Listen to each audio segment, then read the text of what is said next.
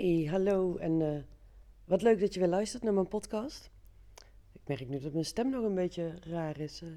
het is nog ochtends vroeg terwijl ik dit opneem. Het is eh, iets na kwart over zeven en dit is het eerste wat ik hardop praat vandaag. Dus misschien dat daarom mijn stem nog even wakker moet worden.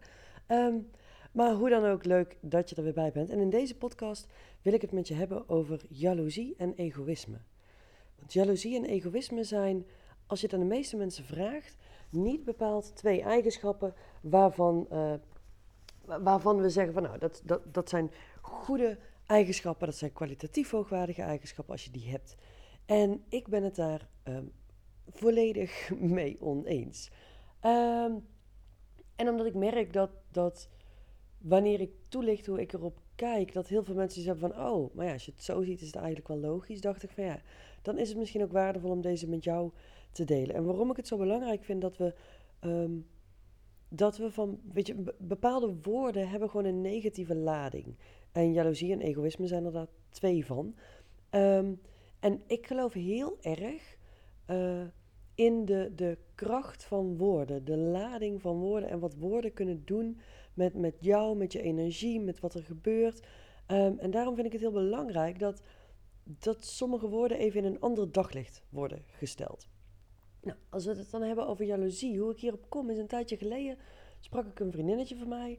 En ehm, toen ging het over, eh, over hoe het met mij ging op dat moment in mijn bedrijf. En het ging toen ook al ontzettend lekker.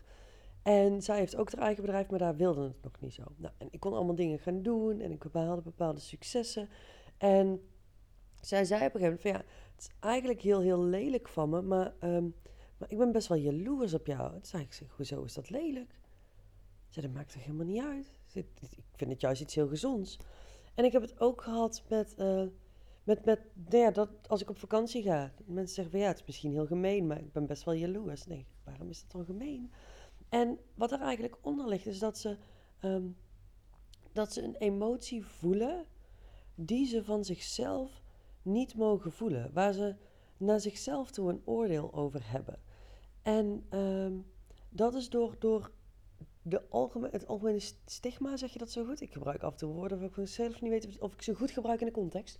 Ehm, maar dat, daar plakt gewoon iets aan vast. En als ik dan naar jaloezie ga kijken, dat is ook wat ik tegen die vriendin zei, die dat over hoe het met mijn business gaat. Ik zeg van ja, ik zeg maar, voor mij is jaloezie is, is iets heel gezonds, is iets heel normaals. Weet je, als iemand anders iets heeft of doet of realiseert wat jij jezelf ook zou gunnen, dat is wat wij in onze maatschappij als jaloezie bestempelen. Weet je, iemand heeft ehm, een hele fijne relatie en jij niet, daar kun je jaloers op zijn. Iemand heeft een heel succesvol bedrijf en jij niet, daar kun je jaloers op zijn.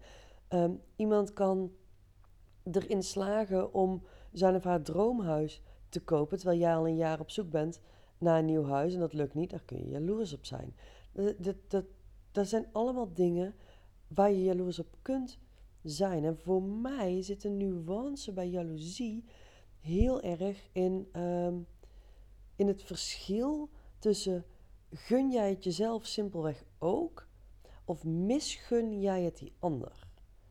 En wat ik gewoon merk is dat de meeste mensen die, die jaloezie ervaren, zien gewoon dat een ander iets heeft of realiseert waarbij ze denken, fuck it, dat wil ik ook. Dat gun ik mezelf ook.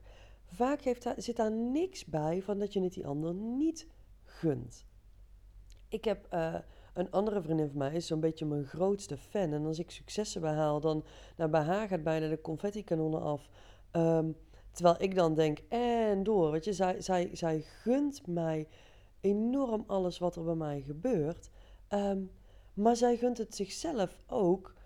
En, en dat is ook wat wij als jaloezie bestempelen. Maar er is dus niks mis mee. Dus zolang het is omdat jij jezelf gunt wat een ander heeft, waarbij je het niet bij die ander weg wil halen. Je, het heeft ook heel erg met, met geloven in overvloed te, het heeft ook heel erg te maken met geloven in overvloed. Weet je, als je gelooft in overvloed, dan geloof je dat wat voor een ander mogelijk is, ook voor jou mogelijk is. Dat als iemand anders een succes behaalt, dat dat niet wil zeggen dat de kans dat jij succes behaalt kleiner is geworden. Maar nee, dat je gelooft dat als één iemand iets kan, dat iedereen dat kan. Dus als jij bij iemand anders iets ervaart en je ervaart jaloezie, omdat je denkt: oh my god, ik wil dat ook, dan vind ik dat juist een heel gezond teken, omdat je daarmee gelooft dat het voor jou ook mogelijk zou moeten of mogen zijn. Kijk, op het moment dat je jaloers bent op een ander vanuit de ik gun het jou niet, alleen mezelf, dan ben ik het volledig met je eens dat jaloezie niet oké is, niet helpend is, uh, geen fijne energetische lading heeft. En ehm, als je dat ervaart, mag je daar echt aan gaan werken. Want dan zit er bij jou nog een gevoel van tekort, een gevoel van schaarste. Dat je gelooft dat als iemand anders het heeft, dat jij het dan niet kunt hebben. Um, en tuurlijk, op het moment dat het gaat om een allerlaatste paar schoenen in de winkel en iemand anders heeft het en ze worden niet meer gemaakt en ze zijn er niet meer, ja, tuurlijk, dan mag je jaloers zijn en zeggen: Ik gun het die ander. Ja, zelfs dan, zelfs dan kun je zeggen: Ik had het ons allebei gegund. Um, dus kijk echt eens bij jaloezie of je het die ander nog steeds gunt. En als dat zo is, als jij in een situatie komt waarin je denkt: Oh my god, hij of zij realiseert dingen en dat zou ik mezelf ook zo enorm gunnen en je ervaart daar iets bij wat je zou kunnen bestempelen als jaloezie, weet dan dat het oké is. Weet dan dat het oké is en ga juist vanuit die kracht aan de slag met het voor jezelf ook realiseren. Dat je vraagt desnoods aan die ander: hoe heb jij dit gedaan? Zodat je ervan kunt leren en het ook voor jezelf kunt gaan doen. Nou, dat over jaloezie. Dan had ik het ook nog over egoïsme. egoïsme is ook zoiets waar een enorm negatieve stempel zit. En ik heb de definitie niet opgezocht, maar voor mij is egoïsme heeft dat te maken met je eigen ego en met jezelf uh, op de eerste plaats zetten. En ik weet helemaal niet of die definitie die ik van egoïsme heb, of die klopt met de dikke vandalen. Maar voor mij is egoïsme jezelf op de eerste plaats zetten. En daar is ook in mijn ogen helemaal niks mis mee. Dus als je dan gaat kijken naar, naar en dit voorbeeld heb, je, voorbeeld heb je misschien al honderd keer eerder gehoord en misschien nog nooit. Ehm, maar als je in het vliegtuig zit en je krijgt de instructies wat je moet doen in, in, in, in case of emergency, als de druk wegvalt, als die kapjes uit het plafond komen, wat zeggen ze dan? Doe hem eerst bij jezelf op en dan bij anderen. Weet je, help eerst jezelf en help dan anderen. Dat kun je ook bestempelen als egoïsme. Waar haal je het lef vandaan om eerst voor jezelf te zorgen? Maar als jij niet voor jezelf zorgt, dan is het bijna niet mogelijk om voor een ander te zorgen. En voor mij is egoïsme dus iets enorm gezonds. Voor mij is egoïsme altijd bij jezelf inchecken. Wat heb ik nodig? Wat heb ik nodig om de beste versie van mezelf te zijn, zodat ik voor anderen kan zorgen? En dat kan gaan om, om uh, om ja of nee tegen een bepaald voorstel. Weet je, dat, dat vriendinnen vragen of je meegaat en dat je denkt: oh my god, jongens, ik vind het echt heel leuk.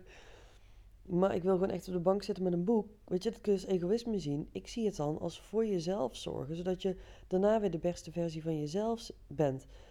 En er zijn zoveel situaties waarin we geneigd zijn iemand die aan zichzelf denkt als egoïst te bestempelen.